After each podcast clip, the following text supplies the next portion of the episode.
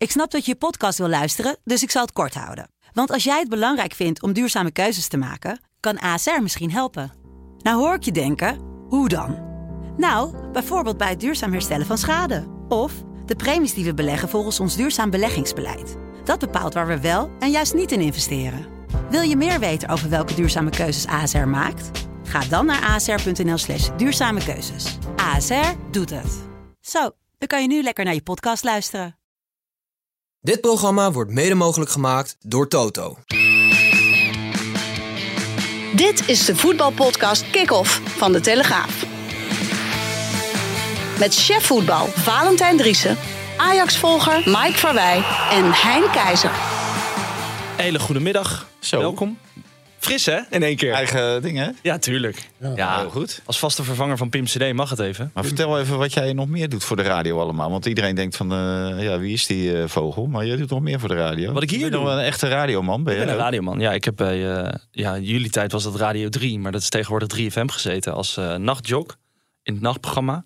En ook die, als die scoren overdag al niks. Dus ja, laat staan. Ja, ik hoorde Mike Verwij. Heb je die, cijfers gezien? ja, Mike die was eh gisteren, Jezus, gisteren, hé. gisteren te gast. Ja, dat, was, donderdag. dat was in een poging om die luistercijfers omhoog te krijgen. Ja, luistercijferkanon. Ja, Mike. Verwij werd even ingeschakeld. Ongelooflijk. Hier werkt het wel. En, eh, Totaal in elkaar gestort, hè, dat 3FM. Vind je dat erg? Heb je ooit naar Ja, geluisterd? Ja, vroeger wel, ja. Ja. ja. Frits Spits, toch? Deed je In ook die eh, tijd, ja. Tom Mulder? Oh, Tom Mulder, dames en heren. Ja, ja, Tros, hè, was die. 50 pop of een envelop. Nou, ik Ja. moet zeggen, ik heb hem in de auto eh, af en toe nog wel aan, eh Barend Ja. en Bennek. Ja, dat is leuk toch? Ja, een leuk programma. Vrienden van de show ook, mogen we zeggen. Zeker. Ja, zeker Barend van Delen. Dat is een maatje van Mike.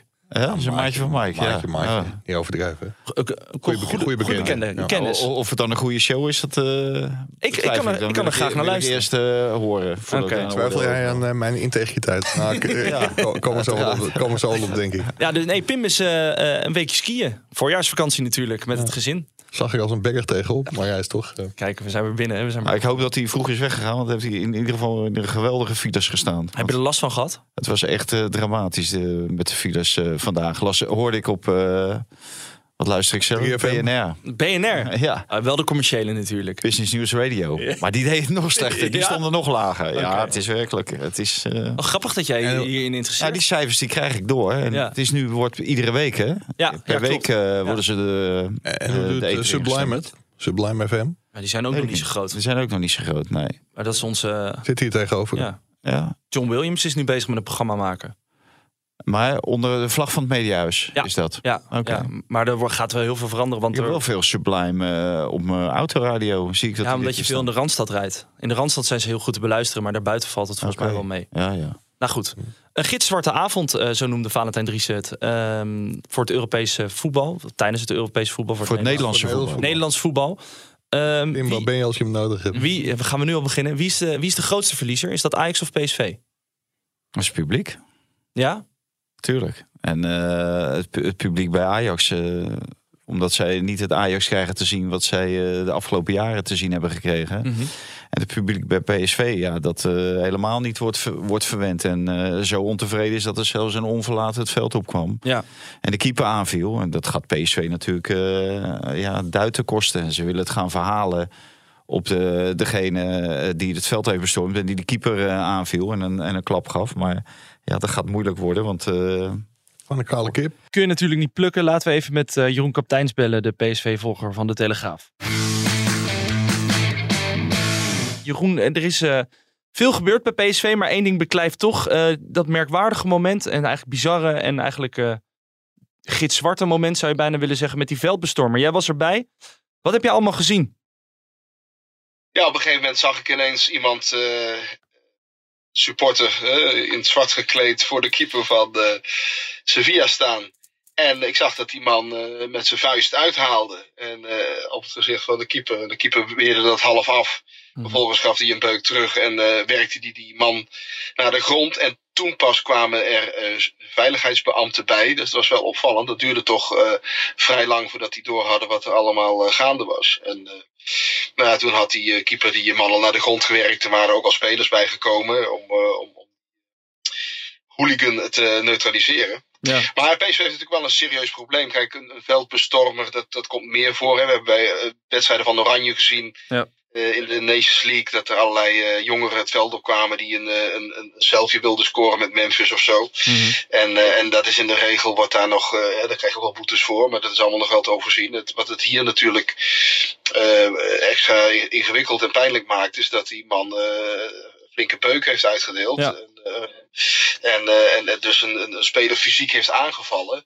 En, en PSV had al een veroordeling vanwege eh, dat de tegenstander zich onveilig had gevoeld. Eh, Dat was eh, bij de wedstrijd tegen Rangers, waar de spelersbus van Rangers vast kwam te zitten in een mensenmassa die met vuurwerk en ehm, gedoe be- be- bezig was. En, en die bus eh, verhinderde naar het stadion te gaan. Waardoor ze, ja, ik geloof een kwartier, twintig minuten later, pas het stadion bereikte dan, dan de bedoeling was. Ja. Dus ja, dat is de tweede keer al dat zo'n eh, dat, een, dat een tegenstander eh, zo ja, niet op een plezierige manier eh, Eindhoven verlaat. Ja. Ja, het is toch voor de UEFA zal dat ongetwijfeld ook een, een reden zijn om, om, om daar om dat mee te nemen in het uiteindelijke oordeel. Je was, je was vandaag onder andere, ik denk dat je wel even hebt geïnformeerd hoe, hoe PSV hierop gereageerd heeft. Ja, enorm aangeslagen zijn ze in Eindhoven. Marcel Brands stond er gisteravond echt verslagen bij. En eh, die zei, ja, ik vind het, dit nog veel erger dan dat, dat we uitgeschakeld zijn. Het is het ergste wat ons eh, kon overkomen. Mhm. En eh, dat, dat, een, dat past ook helemaal niet bij onze club, zei hij. Dat, dat iemand zoiets in, zijn, in zijn hoofd haalt. En hij had ook meteen begrepen dat er hele boze supporters waren geweest. En toen de man van het veld geleid is, zijn er nog supporters die hem te lijf wilden gaan. Dus de beveiligers hebben hem weer moeten beschermen tegen boze supporters die hem fysiek wilden aanpakken vanwege hetgeen hij gedaan had. En ehm, ja, dit, eh, hij besefte meteen dat dit PSV een heel groot eh, probleem eh, op gaat leveren. En ja, dat, dat komt zo ongetwijfeld op een, op een zware straf te staan. Want die UEFA, ja, die is niet zo misselijk. Die, die, die zijn zwaar met, met hun ja. als je Met, met, wat voor, afschiet. met wat voor straf houden ze rekening, Jeroen? Ja, dat hebben ze zelf niet zo gezegd. Maar als je eromheen een beetje luistert, dan, kijk, dan, dan, dan varieert het van een, eh, een, een, lege tribune. Hè, de tribune waar hij vandaan kwam. Tot eh, misschien een heel seizoen eh, schorsing in Europa. Hè, tot een, een wedstrijd eh, elders moeten spelen. Of een wedstrijd in een leeg stadion spelen. Dat zijn allemaal dingen die, eh, die links en rechts geopperd worden. En als je kijkt wat in het verleden voor, voor, voor allerlei incidenten ehm, eh, voor straffen zijn uitgedeeld. Ja, dan, dan, dan is voor alles wel iets te zeggen waar, waar, waar de UEFA mee zou kunnen komen. Ja, niemand weet het. Het is uiteindelijk de UEFA die met een, eh, met een oordeel zal komen. En hoe, hoe heeft de UEFA... Dat het. Dat het blijft bij een lege tribune of, Ja. of, of, of, of bij een wedstrijd zonder publiek. Hè? Dat, dat, dat zal, eh, dat, eh, dat zal eh, eh, denk ik het, eh, het, het minst erge zijn eh, als, ze, Ja. als ze dat als straf krijgen. Een aantal jaren geleden, hè, toen met eh, Erik Gerets, toen eh, braken de, de supporters eh, door een hek. Hè? Die wilden het veld toen eh, bestormen. Wat, wat was de straf toen? Weet Toen je? hebben ze één, één wedstrijd moeten spelen op, eh, op meer dan 100 kilometer van Eindhoven. Dat is uiteindelijk iets minder dan 100 kilometer geworden. Dat is het Gelderdoom van Vitesse geworden, waar toen de wedstrijd tegen Galatasaray is gespeeld. Eh, er waren het wel twee grote verschillen met die situatie. Eén, het was, eh, aan de ene kant was het dreigender, hè, want het was een grotere groep. Ja. Ehm, en de wedstrijd heeft, heeft een hele tijd stilgelegen daardoor. Aan de andere kant was er wel één groot verschil. Werd geen speler van Kaiserslautern met een, eh, met een, eh, met een vinger aangeraakt. Nee. Kijk, en dat is nu het explosieve in dit gebeuren. Er is gewoon een speler die een, Ja. eh, Ja. een vuist op zijn gezicht heeft gekregen. En een, een duw in zijn, in zijn rug heeft gekregen. En ik denk dat PSV zich nog gelukkig kan prijzen met, met de houding van, van deze doelman, Dimitrovic. Die, ehm, ja, die eigenlijk dat manmoedig daarmee om is gegaan. die zichzelf goed verdedigde. Die hooligan op, tegen de grond werkte. Maar daarna ook gewoon door wilde spelen. Je kunt je ook voorstellen dat een speler zo eh, geschokt of, eh, eh, of, of verontwaardigd of boos is. En dat hij niet meer wil spelen. Ja, ik hè, moet, ik moet denken aan. Ajax, Ajax AZ. Toen, Ja. eh, toen Esteban eh, door een hooligan Ja, werd dat is belaagd. eigenlijk een identieke situatie. Hè? Ja. En ook de achtergronden van die de, kreeg nog de geel. daders. Rood. Rood, zelfs. rood. Rood zelfs. Ja, Ja, rood. Het, het verschil was wel dat de, de, de supporter bij Ajax AZ op de grond lag. Dat Esteban nog Ja. eens even flink uithaalde alsof hij een, eh, een uittrap aan het nemen was. En dan Ja. de bal maar het lichaam van, de, Enorme van punten. Wee eh, Punten als, bij die eh, gozer als onder zijn reet. Heerlijk, hè? voorwerp. Ja, terecht. Heb ik Eh, altijd al willen doen. Ja, even al die frustratie. Bas Nijhuis die nooit kaarten, rode kaarten trekken. En ook de aanleiding voor Gertjan van Beek, die zo verontwaardigd was. Dat zijn doelman die aangevallen werd en dat ze bij de man minder door moesten om Ja. het hele team van het veld te halen. Dus dat gaf een heel pandemonium. Ajax heeft toen maar eh 10.000 euro boete gekregen eh, van de KNVB of van de, eh, van de, van de, van de, eh, de commissie van de KNVB die daar, de Mm. commissie van de KNVB die daarover gaat. En die wedstrijd is toen in zijn geheel opnieuw overgespeeld. Overdag, zonder publiek. Ja. Maar, eh, maar kijk, de UEFA die, is, die straft veel zwaarder. Die straft voor kleine dingen al eh, voor, een- hele, hele grote, eh, grote straffen. PSV heeft al geen uitsupporters mogen meenemen naar Noorwegen, naar Bodo Glimt. Omdat bij de uitwedstrijd tegen Arsenal ja, een paar vuurpijlen werden gegooid. En, en iets van tien stoeltjes naar, naar veiligheidsmensen werden gegooid. Dus ja, dat, dat, dat, ja, dan als je die verhoudingen ziet, Ja. dat, eh, ja, dan moet je toch een beetje bevreesd zijn voor wat daaruit eh, gaat eh, rollen. En in ieder geval is er grote financiële schade, ook als je een wedstrijd zonder publiek moet spelen. Dat is een recette, dat, dat praat je over een heel mooi bedrag. Hè, Mm. Dat- een, miljoenenbedrag en dat, dat loop je dan mis. En de, de man die het gedaan heeft, dat is een bekende van PSV. Die had dus al een stadionverbod, heeft al twee keer eerder taakstraffen opgelegd gekregen vanwege voetbalgerelateerde eh, feiten die, eh, die niet door de beugel konden. Ehm, de man is, dus, schijnt in een, in een supermarkt te werken. Ja, daar hoef je weinig van te gaan, opgaan, financieel op te gaan verhalen natuurlijk. Ja. Dus eh, ja, de schade, dat komt toch allemaal weer eh, op het konto van, eh, van de club. Nou, wordt eh, ongetwijfeld vervolgd. Jeroen, eh, ontzettend bedankt voor je uitleg. En we spreken elkaar. Ja, dit is echt schandalig dat dit in Nederland gebeurt. Nou, Jeroen Kapteins die, eh, zei onder andere, die maakte had een foto, een beeld, dat die, die veldbestormer al bij de keeper was. En dat Ja. er nog geen één steward het veld op, op, Ja. op was. Nou, ik, ik kan me voorstellen dat je totaal verbouwereerd bent hoor. Ja, Als zoiets gebeurt. Want je verwacht het niet. Hè? Daarom, het gebeurt ook maar eens in de 30 jaar. Hè? Mhm. Die- Bij PSV heb een heel groot deel van de, tenminste van die eh, harde kern, die stond natuurlijk toen met Erik Gerrit, stonden ze ook eh, aan die hekken te sjorren. En toen Ja. braken ze door die hekken heen. tegen Kaiserslautern was dat. Ja, en dat, dat, dat werd uiteindelijk, hè, Theo Lucius, die, die stuurde ze volgens mij terug. En die Gerrit zelf en zo. En dat, en dat werkte toen. Je bent er totaal niet, niet op, voor- op voorbereid. Eigenlijk is dat je belangrijkste taak. Maar je bent er niet op voorbereid omdat Nee. het nooit gebeurt. Nee. En nu gebeurt het. Ja, en dan, dan zit je daar. En kijk, die stewards. Ik vind het ook heel makkelijk om die stewards het kwalijk te nemen. Maar dat zijn allemaal AOW'ers, wat oudere mensen. Vrijwilligerswerk ook. Vrijwilligerswerk en zo. En die krijgen al van alles en nog wat aan hun hoofd. nou, als, als zo'n mafkees eh, in, in staat is of bereid is om een keeper voor zijn bek te slaan, Mhm. dan al helemaal een steward. Dus ja, ik, ik begrijp wel dat dit, een, eh, dat dit een groot probleem is. Maar ik wil niet alle schuld bij de stewards leggen. En dat, dat idee krijg ik wel een beetje dat dat gedaan wordt. Wat Nou, wat was er gebeurd als die keeper een klap, eh, echt een um, karatentrap had uitgedeeld? Bas Nijers had hem weggestuurd, denk ik. Ja, dat was toch bij AZ, bij- Ajax bij AZ. Esteban. Ja. En dat schijnt ook in de regels te staan, dat je dan echt weggestuurd moet. Dus Nijhuis deed het toen goed. Maar ja, dat werd natuurlijk een enorme rel. Ja, zeker met Gert-Jan van Beek op de bank. Ja. Dat had hij natuurlijk niet moeten doen. Maar dat... eh, Ik weet nog zo goed dat Theo Jansen toen in de, in de spelerstunnel geïnterviewd werd. Zei ja, ik begrijp eigenlijk ook niet waarom we het veld naar af moeten. ik zei ja, de een of andere debiel Ja. het veld op. Ja. En die van ja, ik had... Maar die, die, die keeper, die Mitrovic of zo. Nou ja, Mitrovic heeft het balkan, dus dan weet je al dat is geen eh, jongen die, eh, die hard wegloopt. Nee. Maar die, die zat erop. Maar toen denk ik, ja, geef er nou een paar beuken, man. Zo, boem, zo. Hè? Ja, ik, ik, maar ik snap ook niet dat als je, K1's. als je als supporter, je gaat het veld op, dat je dan één, de keeper kiest, want dat was meestal de grootste. Nou, maar die was het dichtst erbij, hè? Ja, oké, maar dan alsnog. Ja, maar anders moet je nog een heel stuk verder lopen. Dan worden die stewards misschien wel wakker. ja, jij hebt uh, Xavier wakker. Simons gepakt, hoor. Ja, de, nou ja, de kleinste. De kleinste, ja. Nou ja, goed. Maar het is wel echt, echt bizar. Ik, wat ik wel opvallend vond, is dat vanuit PSV... De, nu zijn alle harde kernen die zeggen van... ja, we keuren dit af.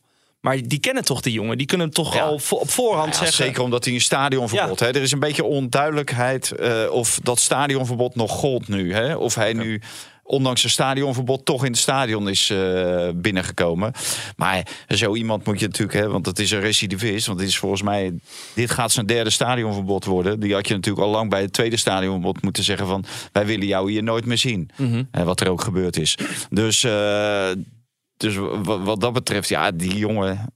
Ja, die had nooit in dit stadion mogen zitten. Nee. Eh, daar, daar kan PSV wel voor zorgen natuurlijk uiteindelijk. Ja.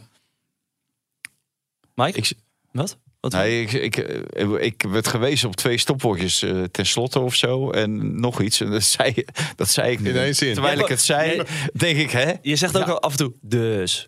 Dus. Zo aan het eind. Maar dat is heel Westlands heb ik het heb ik, eh, heb Ja, het ja, idee. dat zou ik wel van eh Michel van Egmond en Martijn Krabbedam vragen. ja, ja, maar Martijn Krabberdam doet dat ook. Die halen ze er allemaal uit of eh, bij jou? Stopwoordjes? Of, Nee, nee, nee. Ik kreeg dit van iemand anders te horen. Ah, eh, Pim heeft eh, maar dat geheel terzijde, waarvan akte. En eh, hij heeft er nog eentje. Waar, maar goed, het wordt vervolgd.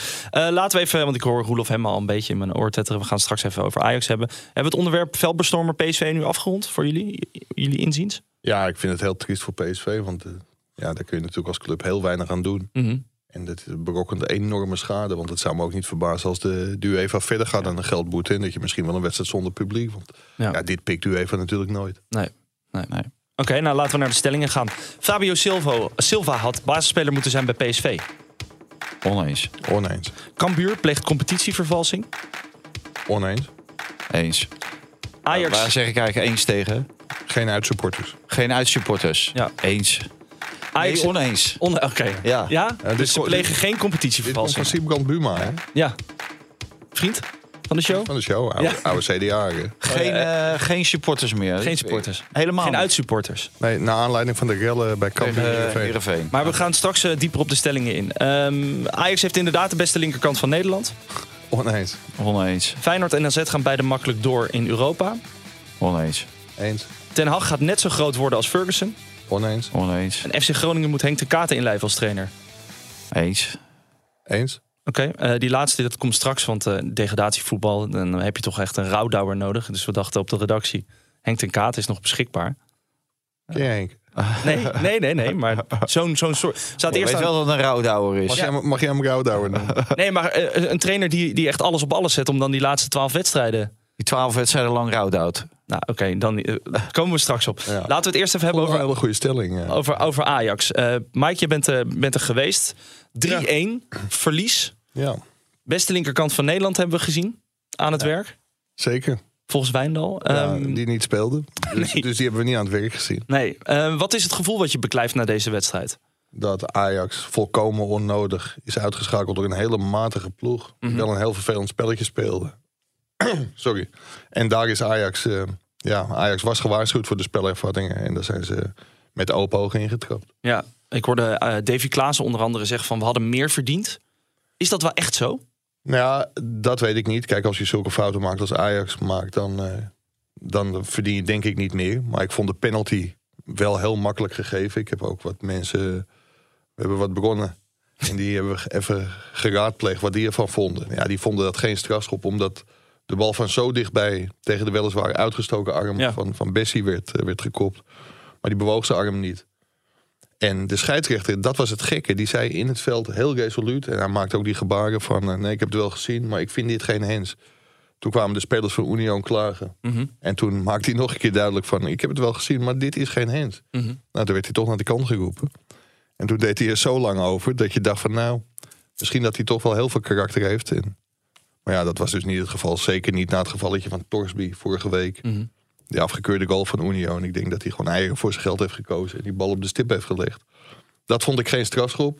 Nee, die 2-0 was natuurlijk een enorme, enorme ketser. En als je dan heel goed terugkomt in de wedstrijd... en dan drie minuten later eh, uit de corner zo staat te slapen als Timber doet... ja, dan heb je gewoon helemaal nergens recht op. Maar ik had wel het gevoel als Kudus die 3-2 had gemaakt... dat Ajax hem gewoon nog had kunnen winnen. Maar wat wel bijna typisch is, is dat John Heitinga er van tevoren zegt... ja, we hebben niet op penalties gekregen, eh, getraind. En dat je dan een penalty tegenkrijgt. Dat is toch bijna de grote Ja, verzoeken. Dan moet ik John Heitinga wel even verdedigen. Want hij zei wel, uiteraard zijn de keepers wel met de penalties bezig. En heeft Scheutjes zowel voorbereid op de penaltynemers van Union Berlin. Mhm. Alleen de penaltynemers die waren er niet mee bezig geweest. Maar eh, had Hij jij zat ook... er ook dichtbij, hè? Ja, dat is Hij waar. zat er dichtbij. Hij had hem Hij bijna. zat er dichterbij dan eh, bij die eh, blunder. Ja.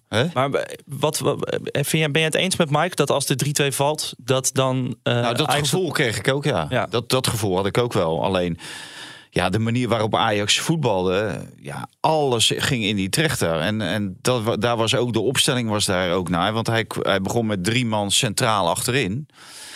Nou, dat betekent dat niemand van die drie naar voren kan. Nee. Nou, de- maar de, de, punt is, als je bijvoorbeeld met Bergwijn, hè, die, die komt van links naar binnen. Eh, en eh, rechts komt Kudus van rechts naar binnen. Dus die komen al naar binnen. En wat is dan de verrassing? Is dan de overloop van de back. Ja. Er is geen back. Nee. En dan, dan heb je op het middenveld heb je Alvarez. Nou, is het centraal. Taylor loopt altijd naar de centrale positie. Berghuis loopt altijd van de buitenkant naar de binnenkant. Klaassen komt altijd in het centrum. Dus dan had je een trechter. En aan die buitenkant gebeurde helemaal niets. Op één moment na. En dat was gelijk gevaarlijk met Bergwijn. Nou, kwam de goal uit. eh, bedoel. Ja. Maar eh, had jij dan, verwijt je dan John Heitinga dat, Verwijt. verwijt, verwijt jij dan John Heitinga dat hij niet met eh backs is begonnen? Ja, ik, ik vond het een verkeerde keuze. ja. Ja. Want als Wijndal er dus had ingestaan, dan had je daar overlap kunnen hebben en dan had je het misschien lastiger Ja. kunnen maken. En dan had je ook aan de andere kant dat range overlap kunnen maken. Ja, ik, ik denk... Kijk, en het, het was niet goed in, in Amsterdam, dat begrijp ik ook wel. Mhm. Maar eh, dat past Ajax veel meer, dat spel, eh, dan het spel wat nu, waar nu voor werd gekozen. Heeft Heitinga eigenlijk zich te veel laten aan- aanpassen op Union Berlin? Op het spel van Union Berlin? Ja, het is wat Valentijn zegt. Thuis ging het natuurlijk met Wijndal voor geen meter. Dus ik, ik denk dat het daardoor gekomen is dat hij hiervoor gekozen heeft. En ja, ik ben het wel met Valentijn eens. Er was weinig overlap en gewoon ook heel weinig verrassing in het spel van Ajax. Heel weinig beweging op het middenveld. Stond in feite in een vierkantje op het middenveld. Als Alvarez doorschoof, stond Taylor ernaast en Klaassen en Berghuis daarvoor.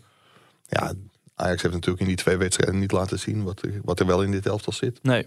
Ja, je moet je natuurlijk doodschamen op het moment dat je zoveel geld investeert. En eh, we hebben vorige week een discussie over 11 en 7 gehad. Maar we gaan nu over de discussie van de 9. Er waren 9 WK-gangers. Ja. En je, je hebt gewoon voor, voor meer dan 100 miljoen gekocht. Gaan Ja. niet weer eh hetzelfde ja, maar veten dit- met elkaar... eh, Nee, nee, nee. Maar, Nee, maar dan, dan moet je je diep schamen dat je je door Union Berlin Mhm. laat uitschakelen. Maar is wel de nummer twee van de Bundesliga, toch? En ook met een Ja, reden. maar we hebben ze nu gezien. Ja. En zij staan nummer 2 in de Bundesliga. Maar zij eindigen niet als nummer 2 in de Bundesliga hoor. Nee. Dan kan ik je wel. Maar, en ook niet als nummer 1. Nee. Nee, dit, dit is echt een hele, wat Mike net ook zegt, een hele middelmatige ploeg. Die al heel snel onder de, eh, hoe heet dat, onder de, indruk was. En ook op het moment dat Ajax druk zette, gewoon niet meer wist wat ze moesten doen. Als je zag hoe vaak eh, misverstanden waren tussen de keeper en de twee voorstoppers, zeg maar. Nou, dat leek gewoon helemaal nergens op. Nee. Die wisten gewoon van elkaar niet wat ze, wat ze aan het doen waren. Maar vanaf, vanaf nu, nu ben je uitgeschakeld in Europa, heb je nog wel, eh, je zit nog dicht bij de titel in de Eredivisie. Wat zou jij dan als trainer van Ajax nu moeten doen?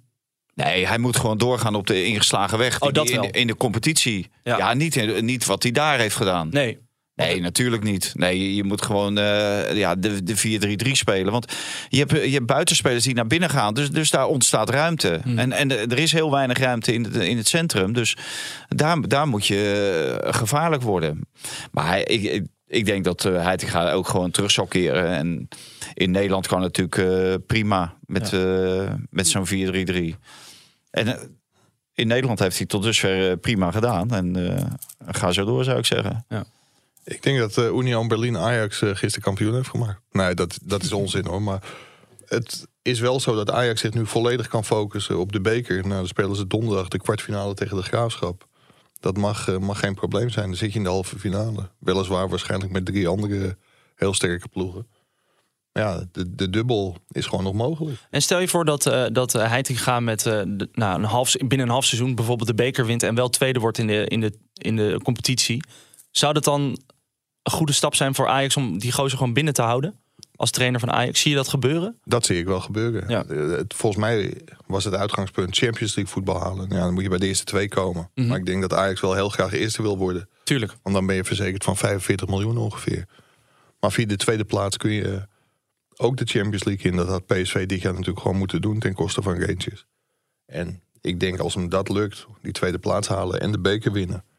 Ja, dat ze wel met hem doorgaan. Tot slot nog Ja, even. daar zeg je wel wat bij, een beker winnen. Maar ja, dit zijn wel afrekenmomenten voor spelers, maar ook voor trainers en dergelijke. Als je op, op dit moment eh, eh, zegt van, eh, doet hij het goed? Nou, dan zeg je ja, nationaal wel, maar internationaal niet. Eh, en, maar tegen Twente, ja, daar winnen ze gewoon uit bij Twente. Dat eh, is volgens mij de eerste nederlaag die Twente heeft geleden. Zeker. Dus ik Ja, vind dat, eh, dat je niet eh, vooruit kan lopen op de beslissing van wel of niet. Je kan tweede worden, maar het gaat ook om de manier waarop je tweede wordt. En hoe staan de spelers erin?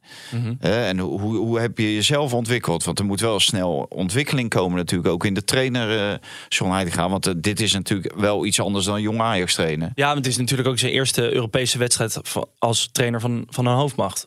Van een, Ja. toch? Ja. Maar ik, ik ga mijn stokpaard hier weer, eh, weer een keer bereiden. Maar het is natuurlijk krank, krankzinnig dat Ajax geen technisch directeur heeft. En dan een trainer waarvan je niet weet of hij volgend jaar ook de coach is.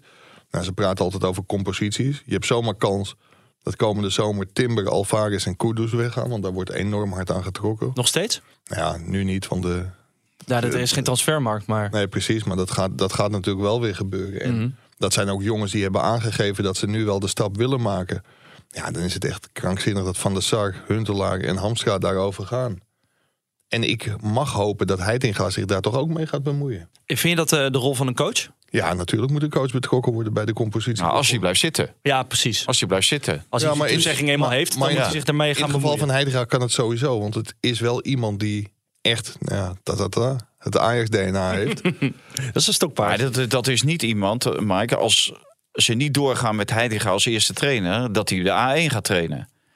Of dat hij naar Jong Ajax terug gaat. Nee, dat, dat- zie je dat- niet dat- gebeuren. dat kan is, bijna niet. Nee, dat Nee. kan niet. Dus de, het- de enige rol die hij dan wel zou kunnen hebben, is dat hij assistent wordt van de nieuwe hoofdtrainer. ja, maar dan moet je wel een kanon neerzetten, vind ik. Want je kunt hem Ja, maar dan kan je hem, het gaat erom, dan kan je hem wel laten meepraten over eh, toekomstige aankopen. Spelen er al Maar wat, wat we een beetje vergeten eigenlijk, dat was het gedrag van die Ajaxide. Na afloop bedoel je? Nou, niet Of- alleen na afloop. Ik vond het, het stoorde me ook hoe Klaas het een keer ging. De probeerde die penalty stip, probeerde die eh, kapot te schoppen. Nou, wat een zielenpoot. Echt. eh, Berghuis en Klaassen waren de eerste helft alleen maar bezig met die eh, scheidsrechter. Bergwijn was een oorlogje aan het voeren met die Kroatische rechtsback. Daar Mhm. die moet je helemaal niet op letten.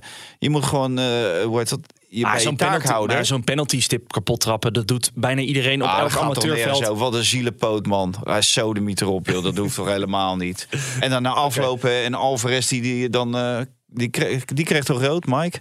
Alvarez kreeg twee keer geel in, Ja. in de dus eh, nou, die was ook de hele wedstrijd weer bezig. Die maken honderdduizend overtredingen. En nou, 9 van de 10 keer zijn ze net te licht om... eh, nou, die, of die scheidsrechters zien het gewoon niet. En daarna probeert eh, onze vriend Bergwijn nog eh, even een, eh, een opstootje te veroorzaken. Een, Ja. een massale matpartij. En ik denk ook, jongens, jongens. En dan roept hij tegen, ja, we zijn grootste verliezers. Nou, pff, Nou, maar daar, Ja. daarentegen zei Taylor wel meteen van... Ja, we, we gedragen ons nu als kleine jongens. Ja, ja nou, die was dan de, de kleinste jongen was de verstandigste van allemaal. Ja. En Bessie was ook verstandig, want die, daar wil je geen klap van krijgen. Nee. Maar die stond ook te kijken, wat, Wat moeten we doen? stelletje idioten zijn hier nou bezig? Ja, Ja, Die, heeft- die heeft daar in Londen waarschijnlijk vroeger al genoeg klap uitgedeeld. Die, eh, ja. Nou goed, laten we Ajax dan even afronden. Want eh, er zijn er natuurlijk ook veel meer eh, dingen gebeurd op de... Kijk, hij wil maar naar Feyenoord, hè? Nee, nee, nee, zeker Onze niet. Nee, Feyenoordman. nee, eerst PSV. Hij, hij raakte net al in paniek, hè? Toen Shakhtar, eh, ik was- toen jij vertelde wat, dat jij je huiswerk had gedaan, dat jij zei dat Shakhtar uit de Champions League kwam. Zeg, ja. Ja, nee, maar dat, blazen. nee, maar dat, is, een- dat is een automatische reflex van heel veel De Feyenoorders. beste speler van Shakhtar is er niet meer, hè? Wie dan? Die is naar Goos, die is naar Chelsea gegaan. Oh, die, eh, die eh, ja, ik weet wie u bedoelt. Ik kan hem niet uitspreken, want ik weet zijn Ik naam heb niet. dat altijd door jou eh, doorgeappt. Ja, ja, maar normaal gesproken kan ik heel snel, kan ik dan heel snel op mijn laptop kan ik dan even Chelsea, Moet ik nu Oekraïne. even doorpraten dat je even kan zoeken? Ja, zeker. Ja, misschien kan Oekraïnse stagiaire dan... Moedrik, Moedrik. Ja, die kan ingrijpen, toch? Zie je? En dan knippen we er gewoon uit en dan Ja. lijkt het net alsof ik het in één keer... Nee, dat zou ik niet doen. Nee, Shak ja, Shakhtar komt straks wel. Ik wil het eerst nog even over PSV hebben. PSV wint 2-0. Shakhtar, Feyenoord komt straks wel. Ja, Feyenoord, komt, Feyenoord Shakhtar komt straks wel. Eh, ik wil het eerst even over PSV hebben. Ondanks dat er dan ongeregeldheden op het veld zijn...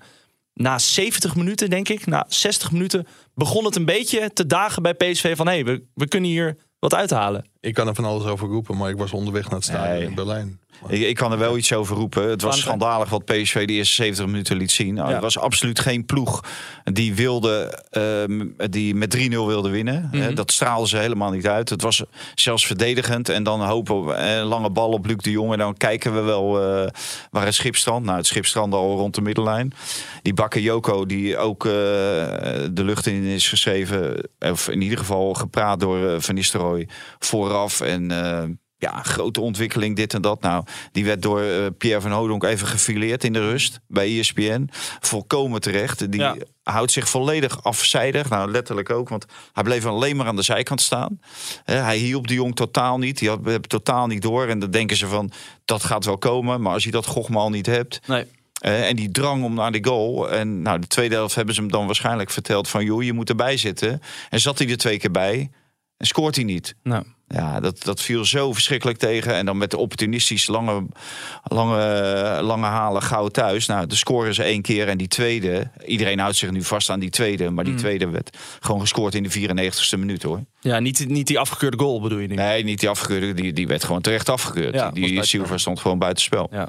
Dus nou, het, het, het leek nergens op. En ja, trainers die zich allemaal aan die strohalmpjes vasthouden... daar word ik ook wel een beetje moe van. Ik vind het wel opvallend dat eh, Van Nistelrooy eh, natuurlijk binnen Eindhoven heeft hij ontzettend veel, terecht ook veel krediet.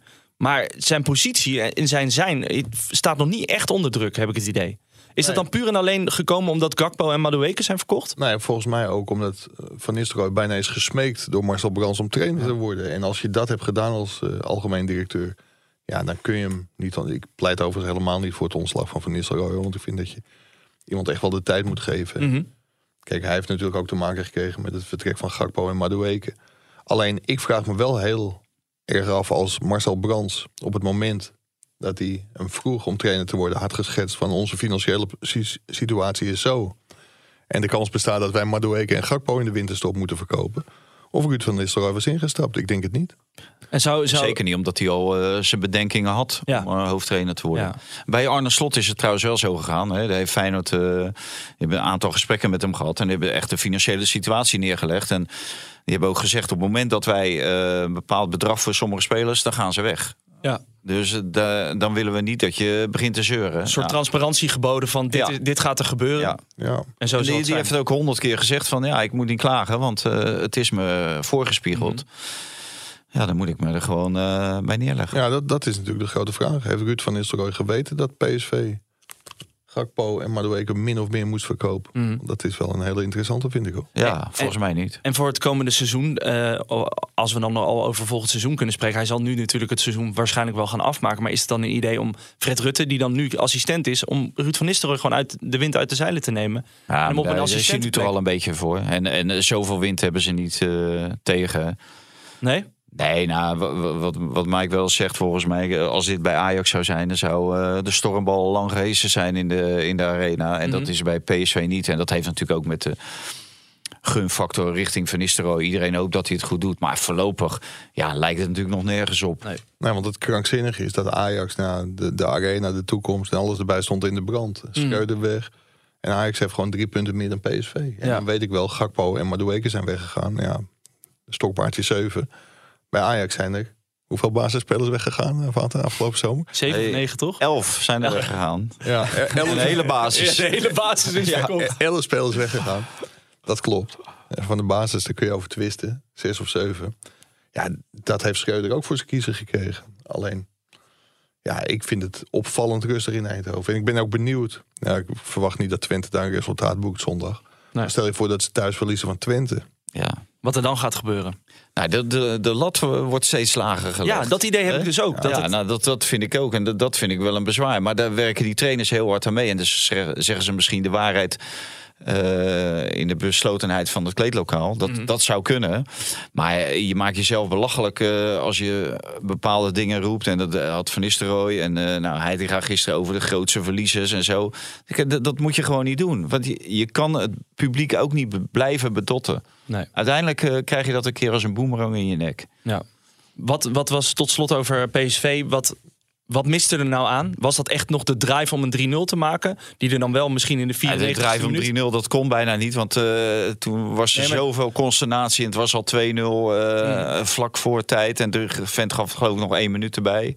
Is zo'n Fabio Silva dan het enige lichtpuntje aan zo'n avond? Nou, ik, wat ik wel vond, ik vond hem kopsterk. Ja.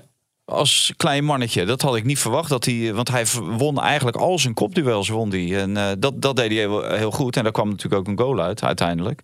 Dus eh, dat deed hij eh, ja, na- naar behoren. Maar voor de rest zij zien hem de hele week op training. En dan zal hij niet veel beter zijn dan Luc de Jong, neem ik aan. En, en anders zou dat eh, een volgende missen zijn van uh, Van Nistelrooy.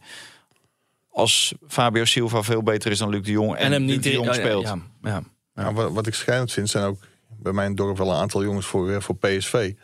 En als je die hoort ook... Die namen kan je beter niet noemen onder Nee, die rook. die, die, die, Amsterdam. Die namen zal ik niet doen. Nou, zal ik het wel doen? Nee, nee, dat doe ik niet. Maar ja, die maken zich wel heel erg zorgen. Dat interview dat Jeroen Kapteins had met, met Marcel Brands... en waarin werd aangegeven dat er nog maar sporadisch bedragen... van 10, 11, 12 miljoen eh, kunnen worden uitgegeven... voor spelers als Lozano en, en dergelijke. Ja, die zien de toekomst niet heel, uh, Maar dat is toch wel een beetje onterecht als je dat soort bedragen niet kan neerleggen. Dat hoeft toch niet een garantie te zijn voor succes. Kijk naar Feyenoord. Ja. Maar Feyenoord kan inmiddels uh, al 8 miljoen voor Zerouki neerleggen. Terwijl ze al 8 miljoen hebben neergelegd voor Timber. Ja. Eh, En ze, ze hebben zich goed versterkt de afgelopen uh, Oh, dat zou om zomer. 10 of 11 miljoen in totaal gaan, bedoel je? Nee, per speler. Per speler. En Feyenoord kan het nu... Dus Feyenoord is al zo dichtbij. Oh, zo, ja. ja. Terwijl ze natuurlijk mijlen ver achter hebben gelegen op PSV. Stel je voor dat uh, PSV daadwerkelijk gaat verliezen tegen Twente. Wat dan? Ja. Wat zou je dan, wat zou je dan als clubleiding moeten doen? Nou ja, niks. Niks. Je, Dat is toch je kan raar? niks doen. Je staat dan- je staat Ja, vierde. moet toch weten onder welke eh, omstandigheden zoiets gebeurt. Hè? Misschien gebeurt het met eh, de twee onterechte rode kaarten. Of ja, weet ik Ja, wat. Dus laten we daar eerst op eh, afwachten. Kijk, de- bij mij thuis zei ze altijd... als mijn tante klootjes had gehad, had het mijn oom geweest. Dus wat dat betreft, al die Als mijn tante wiel had, was het een Lada. Lada. Ik ken als mijn tante fietsen. Nee, als mijn tante wielen had, dan was het een fiets. Oké. Ja. Of een tandem. Ja. Nou ja, goed. Tot zover. Over toch, fietsen hè? gesproken. Er zijn ook mensen die het heel eh, leuk vinden om geen Wat was dat ook alweer? Geen?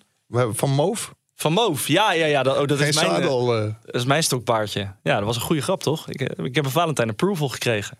Wat? Van Moof? Ik weet er nergens meer van. Nee, dat, dat, dat, kwam een dame bij Van Moof langs. Oh, ja. En eh, zonder zadel. En zeg, Ja. Voor sommige mensen is, is het een uitkomst. Ja, dat is een goede. Zeg jij nou weer? was dat je tante?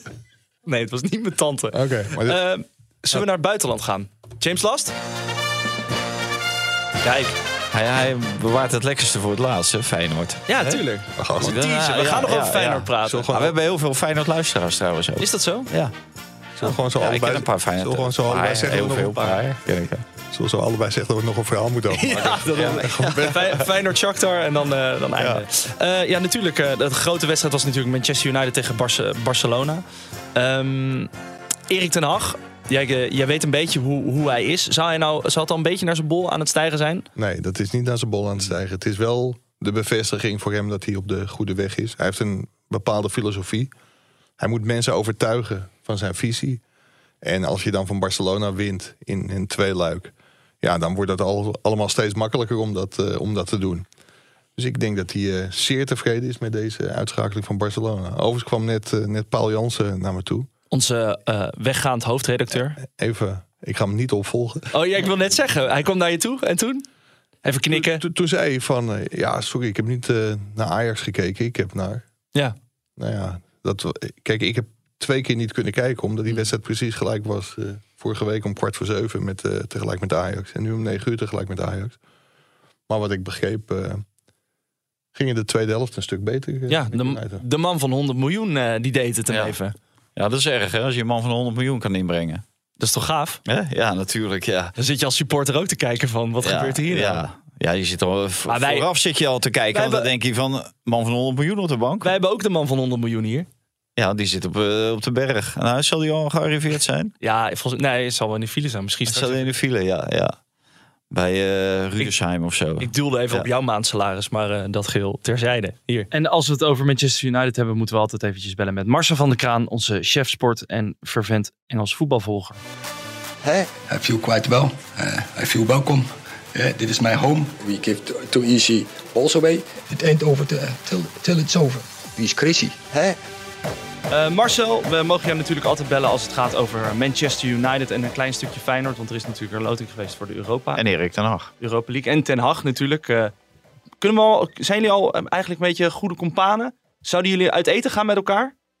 Wie? Ten Hag en ik. Ja, Ten Hag en Marcel?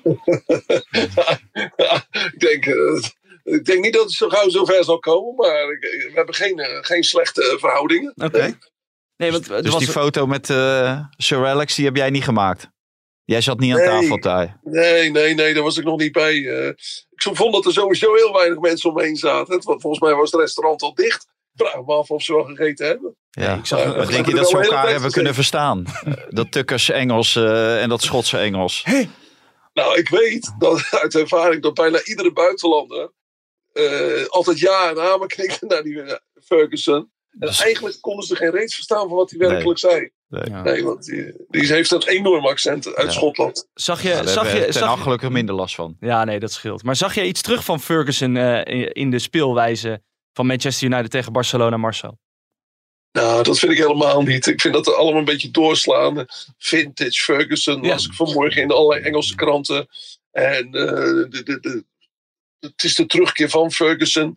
Nee, ten Hag is Ten Hag. En waar Ferguson onbekend stond, was dat hij... Dat was niet zozeer zijn aanvallende spel, maar had hij een hele goede lichting spelers. Haalde, in die tijd kon United als een van de weinige clubs absoluut topsalarissen betalen. Omdat ze commercieel altijd ontzettend goed geleid zijn. En, en miljoenen verdienen. En nog steeds, hè, in vergelijking met alle andere topclubs, hebben zij een gigantisch apparaat achter zich staan. Ze hebben ook als enige club een, een gigakantoor in Londen, waar ze gewoon al die sponsors bedienen in Azië over de hele wereld.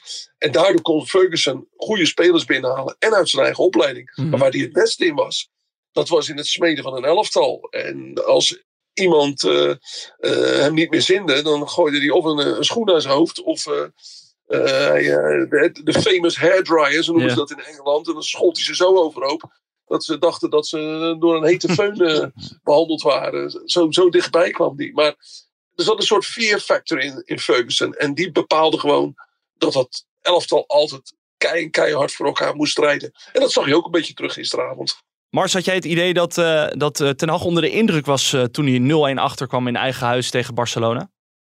Nou, ik hoopte wel dat hij in de rust iets, iets bijzonders zou doen. En dat heeft hij de afgelopen weken kunnen doen. Maar ik denk dat het wel essentieel is dat hij Weghorst als voetballer eruit haalde. En Ant- Anthony bracht. Want dat, die maakte ook daadwerkelijk het verschil. En ja, omdat het nu een aantal keren goed gelukt is, vinden ze dat in Engeland werkelijk fantastisch. Denken ze dat hij een soort magische tactische hand heeft. Maar ik denk dat iedereen wel zag dat er iets moest gebeuren in de rust. En dat heeft hij gewoon, dat moet ik nageven, heeft hij hartstikke goed gedaan. Eh, begin maart is hij al een stuk verder dan Louis van Gaal, die eh, Mhm. zijn eerste prijs in mei won. En wie weet wat er nog bij komt. Ja, maar Vergaal heeft er volgens mij toch anderhalf jaar over gedaan. Of eh, twee seizoenen. Het was bij Vergaal pas in het tweede seizoen dat hij de prijs won. En dat, en dat was degene die eh, het Erik ten Hag heel sterk afraadde om naar Manchester United te gaan. Ja. Dat vond hij een hele ver- eh, verkeerde keus van hem. Ik, de- ik denk dat Louis het ook niet eens leuk vindt nu. Nee, Nee, helemaal nee niet. die zal Nee. balen, want die denkt, ja, zit er, eh, Ja. zit er een Nederlandse trainer die het beter doet. Hij heeft ook wel behoorlijk mogen investeren. Vergaal heeft toen ook gigantisch geïnvesteerd. En Mhm. eh, die spelers kwamen er eigenlijk allemaal niet uit. En ja, eh, Vriend ten Hag heeft natuurlijk ook behoorlijk mogen investeren. Maar als je een, een speler kan inbrengen van eh, 100 miljoen Ja. hè, in de rust. Ja, dat is wel toch- lekker. Toch lekker. Dat is lekker voetballen. Eh, ja, Ja, dan heb je wel wat op de bank zitten. Ja, kijk, en er- daar zit ook wel een klein bruggetje naar Feyenoord en naar eh, Arne Slot. Want ik eh, was net dus op die persconferentie. Ja. En daar zei ik tegen Slot, kijk, het is wel grappig wat er gebeurt. Hè? Eh, in Engeland staan drie clubs bovenaan in de, in de top drie dan eh, Manchester City, Arsenal en eh, Manchester United. Alle drie met een trainer die heel aanvallend wil voetballen. Die een, eh, een filosofie hebben die heel vergelijkbaar is met Slot. Slot staat in Nederland bovenaan. En kijk, dat vind ik eigenlijk de, de grootste winst. Dat mensen die lef hebben, die eh, de Hollandse school bijna allemaal hanteren. Want uiteindelijk is dat ook wat Pep Guardiola doet. Die volgt gewoon de school van Cruijff. Mhm. Dat is een grote leermeester geweest. Dat dat nu in deze fase beloond wordt. En niet alleen beloond, het wordt gewaardeerd door het publiek. Er stonden 75.000 mensen in de tweede helft op de banken. Ook door de strijdlust natuurlijk. Ook door de- dat het Barcelona was. Maar Ja. het is allemaal wel entertainment. En dat is het bij Feyenoord ook. Het is, eh, de, de- ja, Slot moet ook nog zijn eerste prijs pakken nu. Mhm. Maar het is wel ongelooflijk leuk om nu eh, naar het spel van Feyenoord te kijken. ja eh, eh, ze hebben Shakhtar Donetsk gelood in de achtste finale van de Europa League. Hoe reageerde Slot op die tegenstander? Nou, ik vond dat hij dat heel respectvol deed. Ehm, hij zegt, we gaan natuurlijk spelen in een stadion wat lang niet vol zal zijn. Maar de reden, zei hij, die is niet vervelend. Nee, die is veel erger dan vervelend. Die is gewoon verschrikkelijk. Mhm. Waarom die mensen niet in hun eigen stadion kunnen spelen. En dat vond ik Maar dat vond ik netjes van hem. Want uiteindelijk eh, is dit de ploeg die onder de grootste ellende moet voetballen in Europa. Ja, en zonder Timber, hè? Het schijnt maanden te gaan duren. hè? Ja, op zijn, ik denk dat hij het hele seizoen is uitgeschakeld. Zo. Twee maanden op zijn minst. Maar waarschijnlijk is het vier maanden. Dus die, eh, hij is nu een MRI maken in het eh, ziekenhuis. Maar eigenlijk eh, is dit voorbij. En dat betekent dat hij bij Feyenoord, slot, niet één blessure of schorsing meer kan hebben. Onder zijn, eh, vooral zijn verdedigende middenvelders. Want Koksu was er afgelopen week tegen AZ even niet bij. Nou, dan heeft hij alleen Wiever nog over op die Mhm. plek. En het enige waar ze op kunnen hopen is dat ehm, Trauner, onze Oostenrijkse auspoetser, weer eh, snel terugkeert. Ja, Eh, want dan kan Geertruida af en toe weer naar het middenveld. En zo zie je dat de verschillen groot zijn. Als we dat rijtje trainers van de net noemden die aanvallend voetbal spelen in Europa. Bij Manchester United, Manchester City en Arsenal hebben ze allemaal honderden miljoenen tot hun beschikking. En Slot moet het doen met ja, een beetje heen en weer schuiven van zijn pionnen. Want meer geld was er niet om in de winter nog wat te doen. Eh, Marcel, bedankt. Graag gedaan, mannen. En we spreken je hopelijk snel weer. Toch nog even over Feyenoord. Ze hebben Shakhtar gelood. Eh, zeg het maar jongens. Appeltje eitje. Nou, het- je, bent natuurlijk in het voordeel dat jij eh, in je eigen huis wel met een vol stadion, tenminste bijna vol stadion, dan eh, mag spelen. En daar eh, speel je niet. de club moet uitwijken en waarschijnlijk wijken ze uit naar Warschau. Tegen Ren hebben ze ook de wedstrijd in Warschau gespeeld. Dus dat is in je voordeel. En het is niet het Shakhtar van een paar jaar geleden toen er geweldige Brazilianen werden opgehaald. En die ja, die willen nu op dit moment natuurlijk niet naar Shakhtar. Dus Nee. het is een ploeg die wel is uitgekleed. En ook onze grote vriend, noem jij even zijn naam. Wat was het ook weer? Moerdik? Moerdik. Die is natuurlijk ook vertrokken. Moedrik. Die is ook vertrokken. Ja. Dus eh, de angel is wel een beetje uit het spel. Zijn derde geworden in de pool eh, met Real Madrid en Leipzig. hè. Ja, dat stemt niet heel Champions gerust. League pool. Nou ja, het was pas echt heel ongunstig geweest. Maar dan is het niet tegen Feyenoord gespeeld. Als ze eerste waren geworden in de pool met Real Madrid en Leipzig. Ja, dan Dus ik, was het een ander verhaal. achter, achter, Real, Toen was die jongen er nog. hè? achter Real en Leipzig Ajax. eindigen is niet heel knap hoor. Oké. Ik eh, las trouwens ook nog eh, over eh, die pool gesproken, over Liverpool.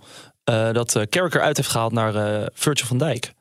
Dat hij echt een belama dat hij eigenlijk op zijn retour was. Hoe zien, hoe zien jullie dat? Nou, die, ik vind die heeft nog steeds niet het niveau gehaald van voor zijn blessure. Nee. Het, het viel mij ook tegen, ja. Maar ik vond het Real Madrid wel geweldig spelen hoor. Mhm. ook toen ze met 2-0 achterkwamen, had je bij, bijna bij iedere aanval had je vrees voor die Liverpool defensie. Van, ja, Oh, die jongens. kraakte al vanaf ja. minuut 1 kraakte het daar. En ja, ze hebben dat zo geweldig uitgespeeld. Mijn god, wat een team. En als je ze dan in Spanje ziet eh, tegen Elche, dan kunnen ze het niet opbrengen. Nee. Maar daar kunnen ze het wel opbrengen. Nou, dan gaan die grote jongens die gaan draaien. Nou, dan weet je niet wat je ziet. Die Vinicius, je man ook. Jezus. En dan, eh, wordt die, eh, hè, dan gaat die Benzema, die gaat hem omhelzen. En, en andersom ook. Hè.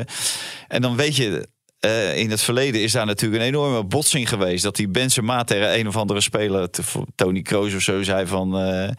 ja, hem niet aanspelen. Ja, Of, ja, in de eh, tunnel was dat. Ja, ja, Ja. ja. niet aanspelen die gozer. Zo'n goed verhaal, Dat is gewoon weggeven. Ja. Hè, eh, mij aanspelen. Dat was niet Kroos, dat was volgens mij ook een Fransman. Een andere Frans. Varaan denk ik of zo. Ja. Dus eh, niet aanspelen. En nu, ja, een geweldig koppel natuurlijk. Waanzinnige wedstrijd. Modric Oh, op over- ja. overigens wel schitterend dat Ten Hag, die is zo gigantisch slim, dat hij dat ook even gebruikt om zijn eigen prestatie nog even nog groter Ja. te maken.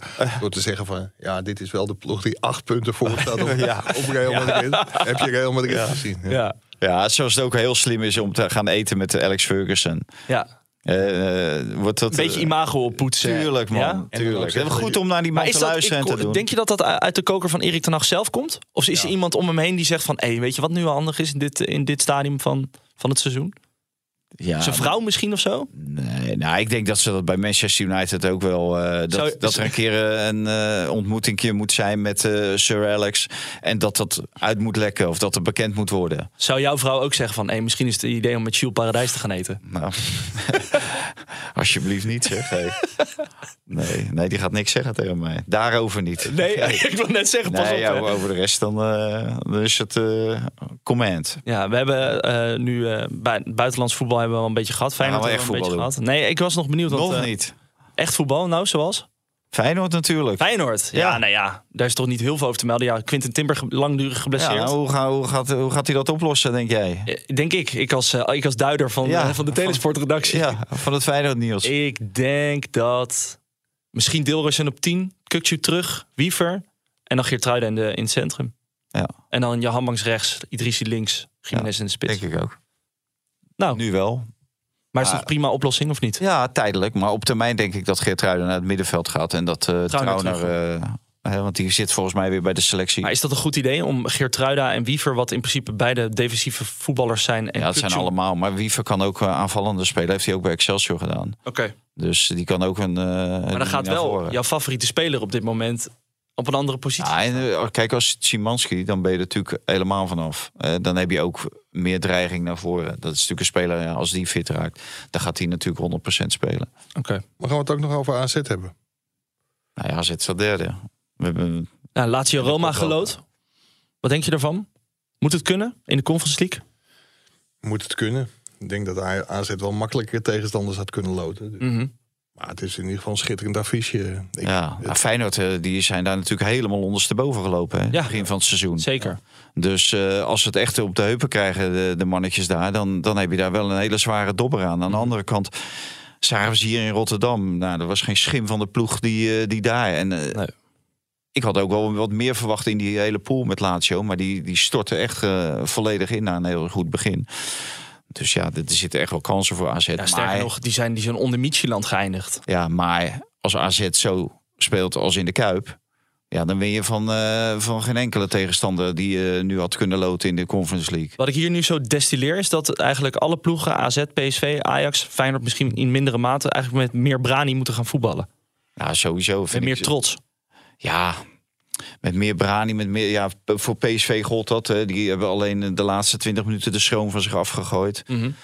Ja, Ajax vond ik eh, bijna plichtmatig voetballen. Ja. Dus ja, daar, daar mag ook wel wat, wat meer eh, brani bij dan. Ja, en P- AZ sowieso. Eh, Bij AZ had je ook echt het gevoel van, ja hoor, daar zitten we weer.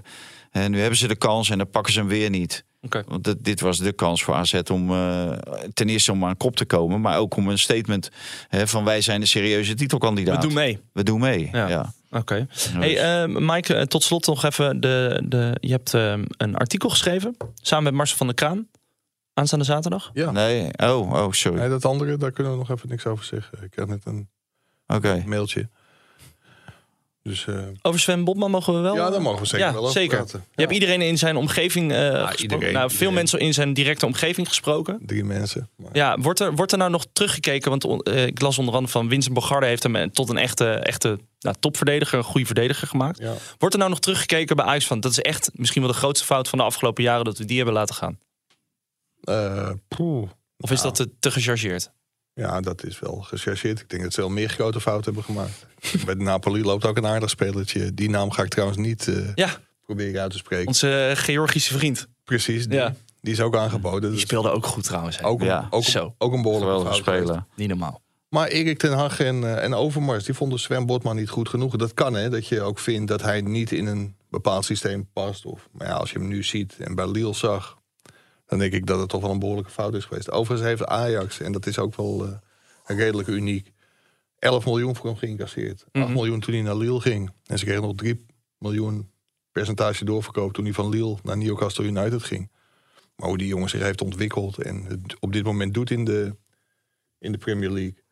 Ja, het, het is ook wel heel veel zeggen. Het is ook een ontzettend aardige jongen. Luis Campos, die heeft hem, eh, heeft hem naar Lille gehaald. Mhm. Die heeft hem al gezien in Ajax 2. En toen bij Heerenveen raakte hij echt overtuigd om hem eh, om die kant op te halen.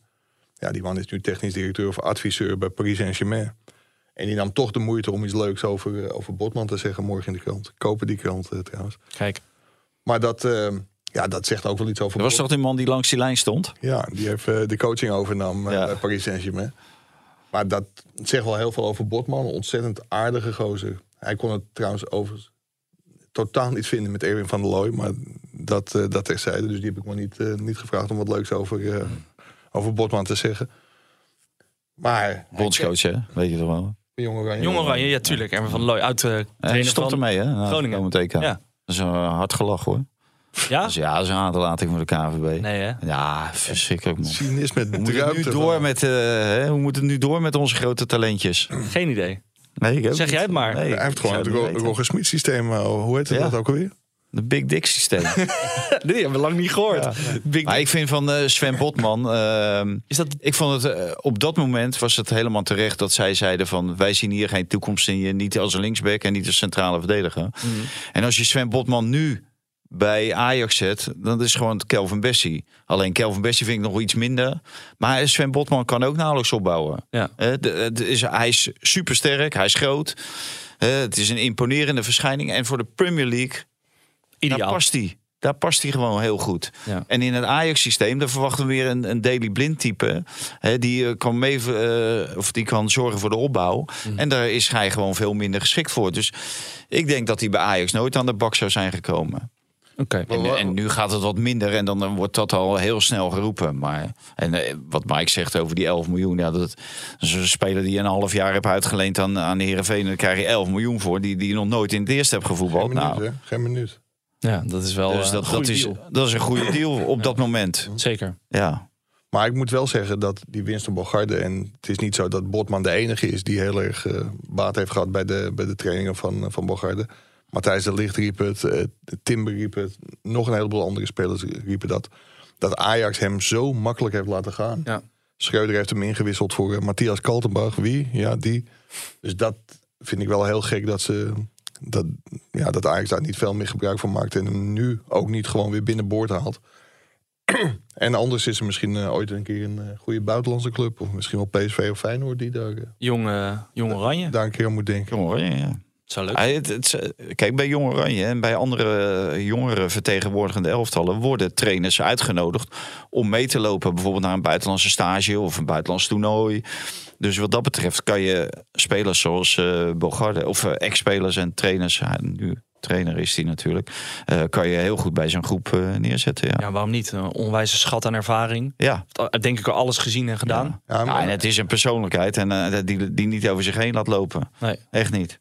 Maar ja, wat je heel erg merkte is dat hij op een gegeven moment bij die, eh, bij die ploeg kwam. Ja, en dan werd er ook niet, niemand meer in de zijk genomen. Want als je met Bogarde een probleem had, eh, ja, berg je maar. Ja. Dan, eh, dan moest je echt, echt oppassen. Dus het is iemand die heel veel aanzien had in de groep. En die ook heel veel waardering kreeg voor zijn, voor zijn trainingen. En gewoon verdedigers duidelijk beter maakte. Dus Ja. ik Nou. denk dat Ajax wel even te makkelijk afscheid van hem heeft genomen. Oké, heren, nog iets op het hart? Wat er uit moet? Nee, ik zit te wachten op een lekkere dorpsrel. Een dorpsrel Ja, dat zou ik daar. eh, ja, in, Tuurlijk, in man. Honselensdijk? heerlijk man, zo van die dorpsrellen, joh. Wat is, Eh, dat dan? wat is dit nou weer voor een wending? Ja. Wat voor dorp, wat dan? Nee, ja. Die gaat de krant nog niet halen. Daar Maar wat voor dorpsrel zit je op te wachten? kunnen we niks over zeggen. Nee, ja, je hoort het, daar kunnen we niks over zeggen. Doen we als Pim de Weer. Ja, dat is makkelijk. Nee, van de, van de week wat, eh, had Mike een geweldig stuk over, eh, over Volendam. Oh, zo'n dorp. Eh, ja. Oké. ja, dat is ook een dorp. Is dorp. Ja. Is- begint, het Ja. nu, begint het nu al te kolken? Eh, is dit een- Nee, maar dat is toch heerlijk, man. Eh, Als je dat leest en zo, ze elkaar afmaken. En, en die wil niet met die en die wil niet met die. En, eh, je bent bijna een soort Evert Santegoed nu. Eh, ja, maar dat, dat, zo- zo'n verhaal was het ook. En, Ja. eh, eh, de een gunt eh, de ander het succes niet en eh, die wil het opeisen. En, ja, heerlijk man. Dat soort dorpsrellen, ja, die moeten we wel meer hebben. En jullie zijn wel de luis in de pels dan natuurlijk. Nou, Mike zeker. Dat is bij Mike om de hoek, dus ja. Die kan eh, lopend naar het stadion bijna. Binnenkort meer? Ik hoop het. Ongetwijfeld wel. Ongetwijfeld. Oké, heren, dank jullie wel. Oké, groetjes.